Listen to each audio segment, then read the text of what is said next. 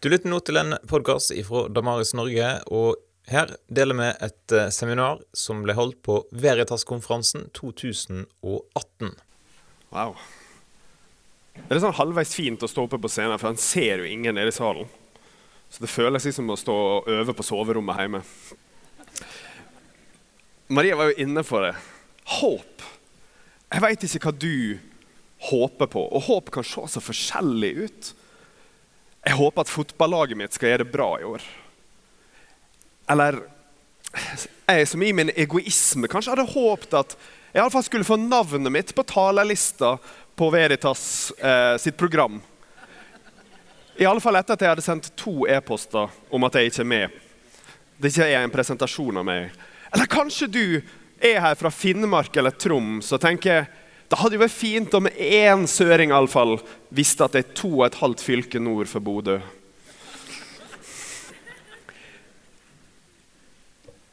Ting går liksom ikke alltid sånn som jeg håper på.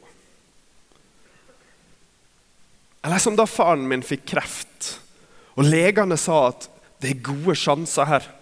Han kan nok leve i mange år ennå. Og så dør han bare ett år etterpå. Eller da mora mi på samme tid flytta hjem for første gang på ti år etter å ha bodd på psykiatrisk institusjon. Og halvannet år etterpå så var også hun død. Eller da jeg lå bakbunden etter å ha blitt overfalt og bare lå og tenkte jeg håper at jeg får lov å leve. Som dere ser, så gjorde jeg altså det. Men jeg kjenner ikke deg. Men kanskje går du og håper at du skal bli sett fri fra egen sykdom. At det skal ordne seg for familien din. At du skal få deg venner på studiet. At du skal klare eksamen. Eller kanskje strekke håpet vårt seg utover våre personlige liv. Til håp for verden, for kloden vår, for Syria, for klimamål, kuren for kreft, løsninger på Alzheimer-gåta. Eller kanskje sprer det seg enda lenger ut, forbi vår horisont. At du håper at mennesket skal få lov til å bli frelst, eller at du skal få se dine kjære igjen. De siste dagene så er det temaet her, det var dukka opp overalt. Kanskje noen så denne artikkelen her og kronikken her. 'Verden går til helvete'. Og vennene mine de er med på det.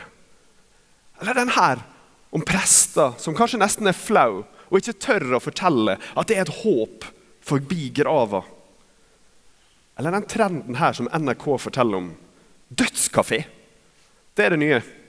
Da møtes folk og drikker kaffe og et kake og koser seg og snakker om døden. Men følelsen du kanskje sitter igjen med, da, er at verden går av hengslene. Men åh, tenker du kanskje, i alle fall med et smil om munnen jeg kjenner jo Jesus. Han har frelst meg, og en dag så skal han komme og hente meg vekk fra denne fæle verden. Til himmelen. Det er håpet mitt. Og Jeg har lyst til å ta dere med på ei håpsreise i dag. Nordmenn elsker jo å reise, så er dere med? Ja? Åh. Det er bare å booke billett og skal tilbake igjen til jula. Og jeg elsker jul. Men ikke så masse at jeg syns det er greit med julebrus og julemanner, kakemenn, eh, alt mulig liksom i oktober. Men la oss reise tilbake til den første jula, da alt begynte. Israel er okkupert av Roma. Det er liksom gjengen som tok korsfestelsen til nye høgder. Og på toppen av dette riket så sitter Augustus, keiseren, frelseren, Herren, Gud, inkarnert på jord. Sånn som de tenkte.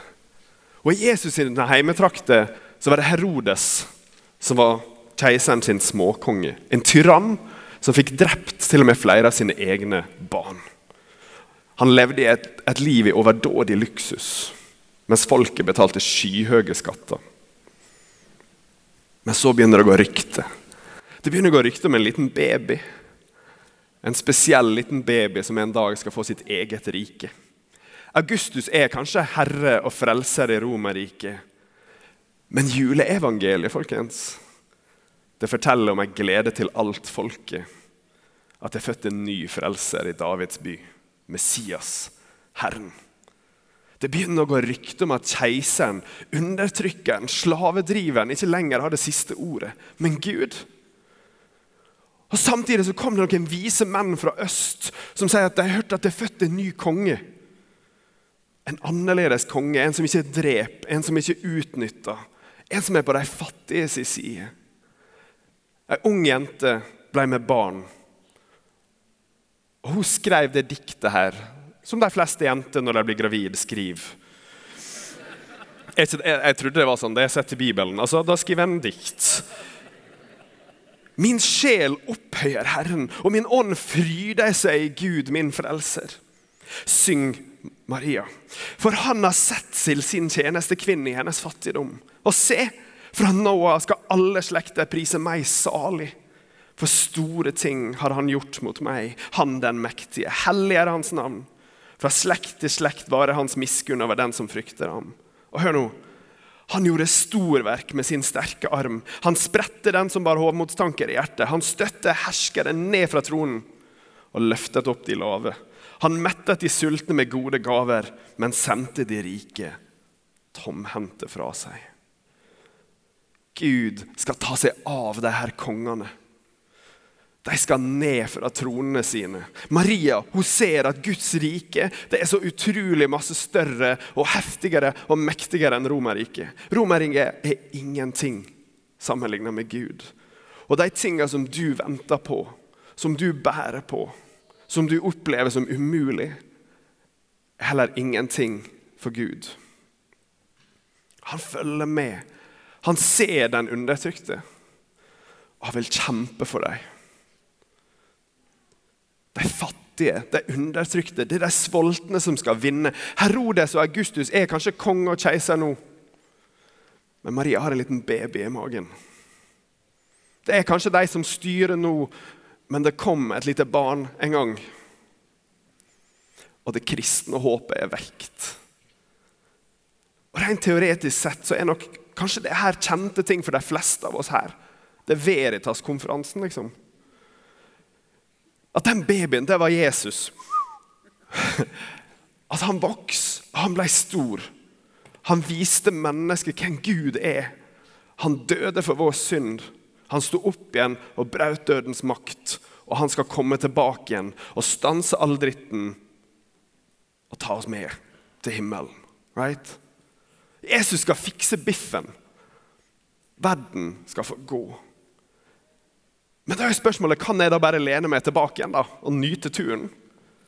Nei, sier du kanskje. Men vi må jo få med oss folk. Vi skal jo vinne sjeler. Vi må få med oss flere. Og så tenker jeg, Er det det som er det kristne håpet? At verden skal gå ad undas? Og jeg må bare prøve å få med meg så mange som mulig? Laget har nettopp gjennomført en større spørreundersøkelse blant kristne studenter som viser at hele 90% av kristne studenter i Norge de holder stilt om trua si. Så helt ærlig talt et ganske dårlig utgangspunkt. da. Hvis håpet vårt er å bare få med oss masse folk, og så gjør vi ikke det. Og Det er litt sånn ironisk at jeg skal snakke om håp, og så begynner jeg så kjipt.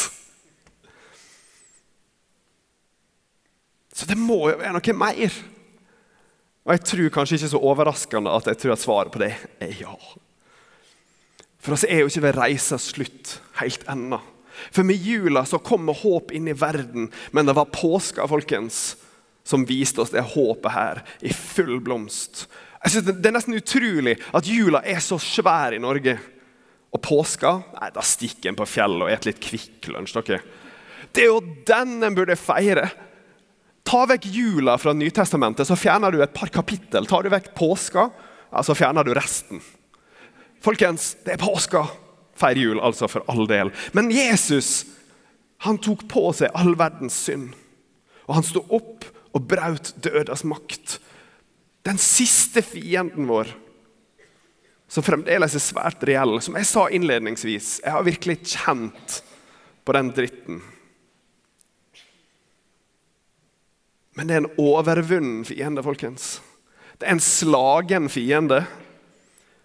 Paulus sier, 'Død, hvor er brodden din?' Døden er slått av Jesus. Men jeg har lyst til å komme med en påstand her i dag. At Jesus' sin oppstandelse på påskedag for nesten 2000 år siden gjorde mer enn å bryte dødens makt.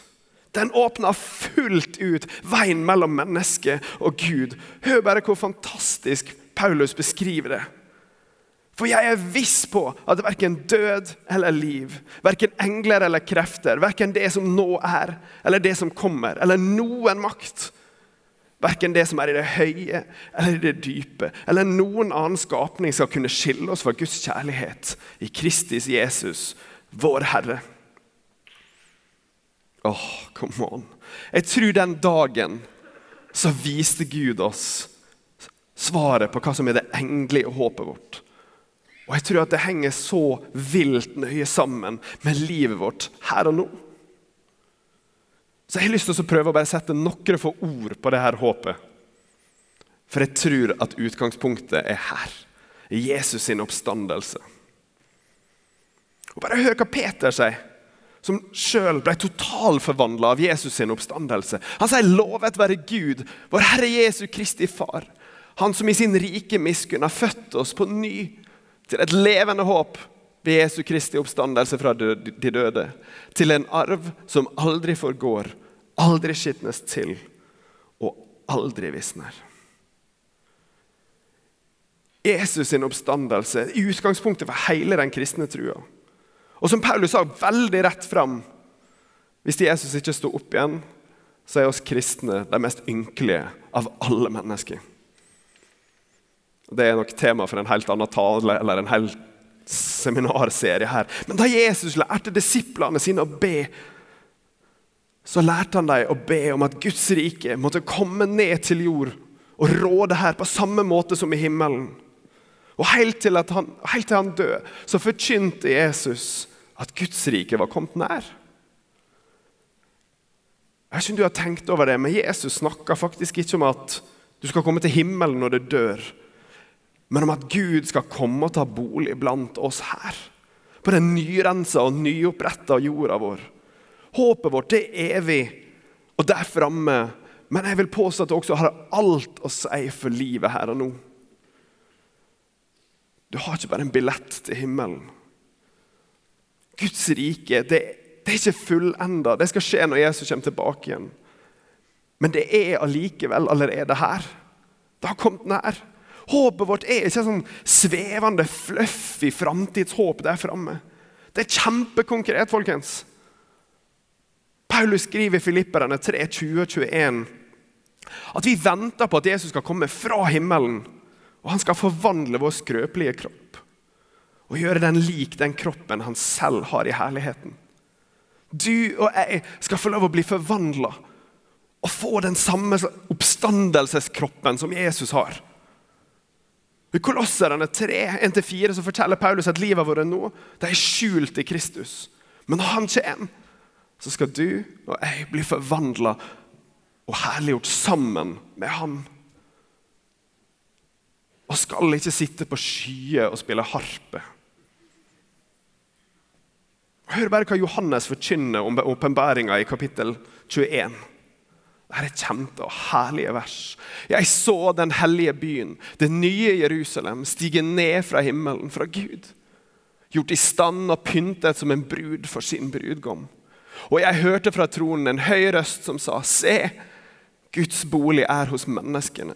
Han skal bo hos dem, og de skal være hans folk. Og Gud selv skal være hos dem. Han skal være deres Gud. Himmelen Guds rike skal komme hit. Og jeg og du skal få lov å være Guds sånn kjærlighetsagenter, om du vil. Som sjøl i det fullendte Guds rike skal få lov å gå ut på nye måter. Å være kreative og feire og utbre Guds kjærlighet. Kom an, Det er så rått, det! Jeg har så vilt lyst til å være med på det her. Jeg gleder meg sånn til det. Og det får du del i gjennom at Jesus sto opp igjen. Håpet og frelsa vår det ligger i å få et nytt liv i Guds nye himmel og jord når det blir fullenda. Ikke bare som frelste sjeler, men som hele mennesket. Ikke vekke fra denne fæle jorda, men her, sammen med Gud. Der all urett og undertrykkelse og vold og arroganse og slaveri og korrupsjon og fattigdom har tatt slutt. Akkurat som Lukas og Matteus og Maria skildrer så tydelig julebudskapet. Vinteren er over. Våren er på vei, som Louis sa i Narnia. Her kommer en liten spoiler alert. For Jeg har lyst til å lese den siste setninga av hele Narnia-serien. For Da sier Louis Så får du holde fra ørene hvis du ikke enten har lest Bibelen eller Narnia før. Nå, nå begynte endelig kapittel 1 i den største fortellingen som ingen på jorda har lest. Den fortsetter i all evighet. Og hvert kapittel er bedre enn det forrige. Det er så herlig, det. Og samtidig, når jeg leser Nytestamentet, så ser jeg at det håpet er ikke bare noe som ligger der framme, men noe som bør ha noe å si for livet mitt her og nå. I 2018. At Guds rike ikke bare er en sånn utflukt. Eller en sånn plass som jeg kan flykte til som kristen. Men at Jesus sto opp igjen, og dermed var den han påsto at han var. Messias, Herren. At den himmelske regjeringsmakta, den er hans. Og at den skal få lov å komme til jord. Jesus han sto opp igjen, og Guds rike og det nye skaperverket det er i sving. Og oss som er skapt i hans bilde, er skapt for å reflektere Jesus. Og være veivisere for det håpet som vi har fått i ham. Jeg tror dette gjelder for meg som enkeltindivid og oss som kirke. Og at det var jobben til mennesker helt fra første Mosebok av. Å ta vare på skaperverket og bygge gode rammer og gode samfunn. Som ikke bare skal vise hvordan verden var meint å være, men hvordan den en dag skal bli. Og Det her er grunnen til at jeg tror at kristne må engasjere oss i samfunnet rundt oss. I det personlige livet våre i relasjonene våre, politisk, i misjon og gjennom hellige liv. For ingenting av det du gjør i Herren, er vekkasta. Det har en evig verdi. Hør bare hva Paulus skriver i dette fantastiske oppstandelseskapitlet sitt i 1. Korinterbrev, kapittel 15. Hele det kapittelet handler om håpet vårt i Jesu oppstandelse. Og jeg synes Det er så fantastisk at det er så utrolig jordnært og konkret. Hør det han sier her. Gud være takk, som gir oss seier ved vår Herre Jesus Kristus. Derfor, mine kjære søsken, stå fast og urokkelig. Arbeid raust og rikelig for Herren, for dere vet at i Herren er ikke deres strev forgjeves. Arbeid raust og rikelig for Herren, for dere vet at i Herren er ikke deres strev forgjeves. Den britiske biskopen og professoren i teologi ved University of St. Andrews, Tom Wright, han skriver en bok som heter 'Surprised by Hope'. Og Der skriver han det her.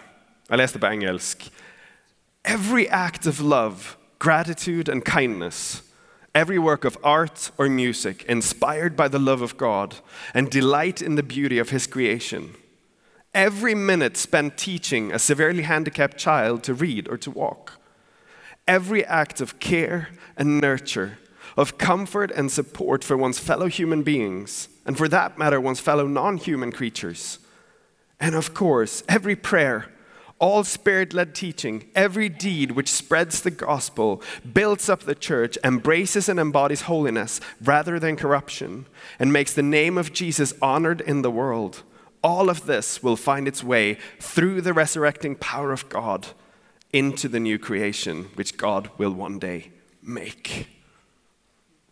Det du gjør i Herren her, har en evig verdi. Og Wright han foreslår videre i boka si tre områder som det her virkelig bør påvirke. Som oss som sitter her i dag, må ta med oss hjem fra Veritas og fremme livet vårt. Og det er rettferdighet det er alt det vakre, og det er evangelisering. En dag Den dagen som ofte blir kalt dommens dag, skal Guds rettferdighet seire. Jeg jobber i laget, og ofte når jeg er ute på skolen, så kommer folk til meg og så sier de, 'Hvordan kan en god Gud dømme?' Men folkens, Guds dom er ikke kjip. Den dagen så skal jo alt settes rett igjen. Gud skal si at nok er nok. Utnyttelse, vondskap, undertrykkelse skal ta slutt, og det skal få sin straff. Men hvis jeg og du er veivisere og en slags forsmak på det håpet og den framtida som ligger der framme, så tror jeg at vi må begynne å jobbe med det allerede nå. Som jeg sa, så ber en i Fader vår om at Guds vilje må skje på jorda, sånn som i himmelen, og at Gud må tilgi oss, slik jeg og du tilgir andre. Og jeg tror at kristne som virkelig lever det, de får ikke fred før rettferdigheten har seira.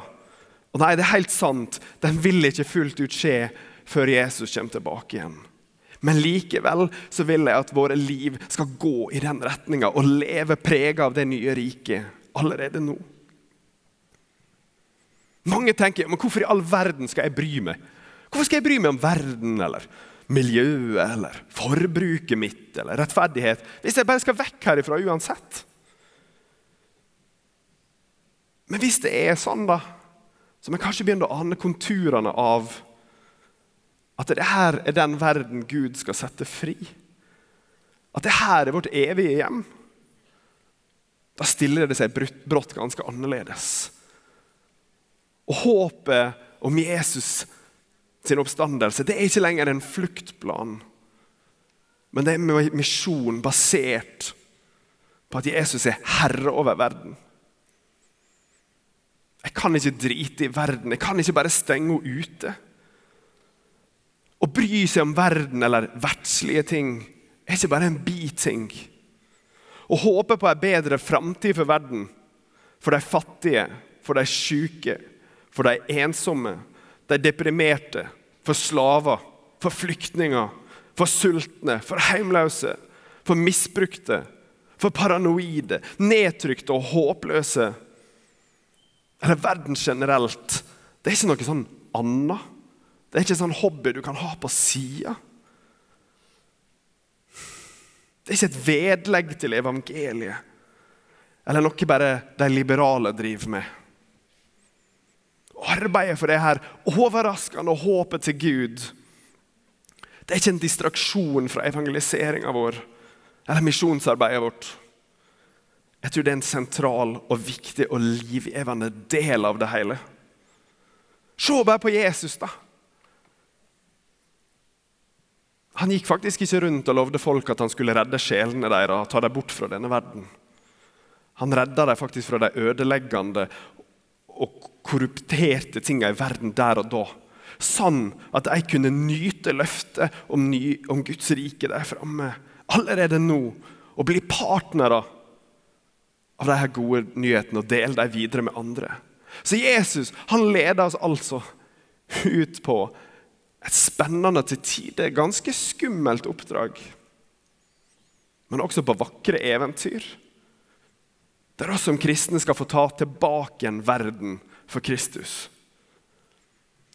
Og så sa jo ikke Paulus i stad at fordi du har fått et sånt flott håp, så kan du bare lene deg tilbake igjen og enjoy the ride. Mine kjære søsken, så han sto fast og urokkelig. Arbeid raust og rikelig for Herren. For dere vet at i Herren er ikke deres strev forgjeves. Det du gjør i det livet her, enten du måler, forkynner, synger, syr, ber, underviser, bygger sykehus, graver brønner, er med på Walk, of, Walk for Freedom eller går i fakkeltog for forfulgte kristne, er frivillig hos Frelsesarmeen, eller elsker nesten din som deg sjøl, ja, så er det her ting som vil være med og vare inn i Guds framtid. Det er ikke ting som bare gjør livet litt sånn lettere eller hyggeligere her og nå, før jeg stikker herifra. Det er alle deler av det å bygge Guds rike, folkens. Og Det fører til at kristne, etter å ha tilbedt her inne i kirka, går ut i verden. For hvis verden er Guds hellige land, så må folka hans jobbe for at det skal være det, tror jeg. Og Det bør føre oss inn på Wright sitt andre poeng, nemlig det vakre. Du kan få lov å være med å skape og være kreativ. Patrick Dodson, en forfatter og fotograf som jeg er veldig glad i, han sa en gang at if God is the creator, we as Christians should be the most creative of all. Du kan få lov å være med og vise verden hvor vakker Gud er. Gjennom kunst, musikk, film, dans og det generelt kreative. Så kan du få være med å, beskrive verden, ikke bare som hun burde være, eller som hun er, men som hun en dag skal få lov til å bli. Når mennesket ser livet våre for rettferdighet og det vakre, så tror jeg at de har lyst til å bli med. Jeg tror det er så vilt masse mer tiltrekkende, folkens. For jeg tror ikke jeg er kun satt til å vinne sjeler. Men evangelisering er kjempeviktig, og det er jo indirekte grunnlaget for hele den konferansen her. Vi har et oppdrag i å forkynne i ordets rette betydning at Gud er Gud. At Jesus er Herre, at det vonde er overvunnet, og at Guds nye verden er her. Men hvordan, hvordan kan du gjøre det da overfor en verden som ennå ikke har sett eller fått det håpet? Som ser rundt seg og er desillusjonert? En verden som på 18- og tidlig 1900-tall tenkte at mennesket vil utvikle seg til det beste, men endte opp i to verdenskriger. I holocaust, i apartheid og i nye problem og overgrep og slaveri og flyktningkrise.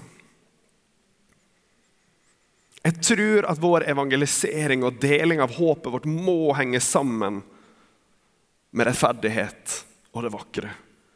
For hvis Kirka, du og meg, arbeider for både rettferdighet på verdensplan og i nabolaget vårt, på skolen vår, på arbeidsplassen vår. Og dersom jeg og du gjennom kunst eller musikk osv. ivrig feirer og gleder, over, gleder oss over Guds skaperverk, og hvordan han setter og en dag skal sette denne verden fri Dersom våre personlige liv reflekterer denne nye skapelsen og er ekte og kirka vår ligner på det fellesskapet som en gang skal bli i evigheten, da tror jeg at forkynnelsen vår også gir mening for verden rundt oss. Det som skal være sant der framme, det vil begynne å være sant her og nå. Eller så vil folk med rette stille spørsmål hvor er dere på vei hen egentlig? Og i alle fall så vil de stille spørsmål til om de har lyst til å bli med dit.